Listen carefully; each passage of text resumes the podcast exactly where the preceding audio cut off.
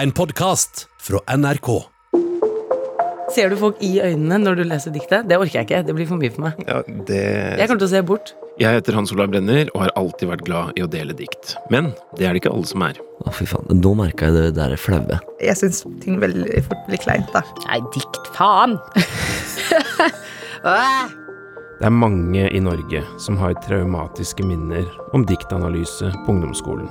Det er mange som ikke savner dikt i livet sitt, men så er det også mange som holder døra på gløtt til mer poesi i tilværelsen. Men jeg har egentlig lyst til å også bevege meg mer i eh, kretser og sitte rundt bord hvor det leses dikt høyt, for det er jo en, egentlig en veldig fin ting. Jeg leser nok ikke så mye dikt som jeg burde gjort, kanskje. Som vil oppleve magien i at noen ord på et ark, satt sammen på en spesiell måte, gir et løft, litt trøst, eller kanskje en god latter. Kanskje åpner diktet seg for deg, sånn at du får en ny favoritt. Ikke sant, what the. Ikke sant, hva er det som skjer med oss nå? Det var flott. Syns du det? Ja, det var kjempefint.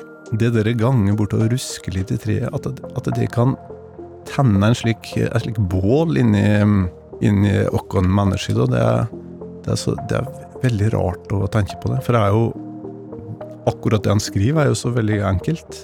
Jeg fikk tårer i øynene. Hva skjedde? Eh, Bare fordi det er jo den ytterste drøm. Åh, er jo å få lov til å leve dritlenge. Hver søndag deler vi dikt i podkasten Brenner deler dikt, fordi jeg håper det skal treffe både oss i studio og deg som hører på. Nå skulle norsklæreren min sett meg. Hvorfor det? Fordi jeg hata dikt på skolen.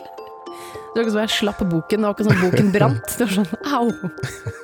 Podkasten Brenner deler dikt hører du først i appen NRK Radio.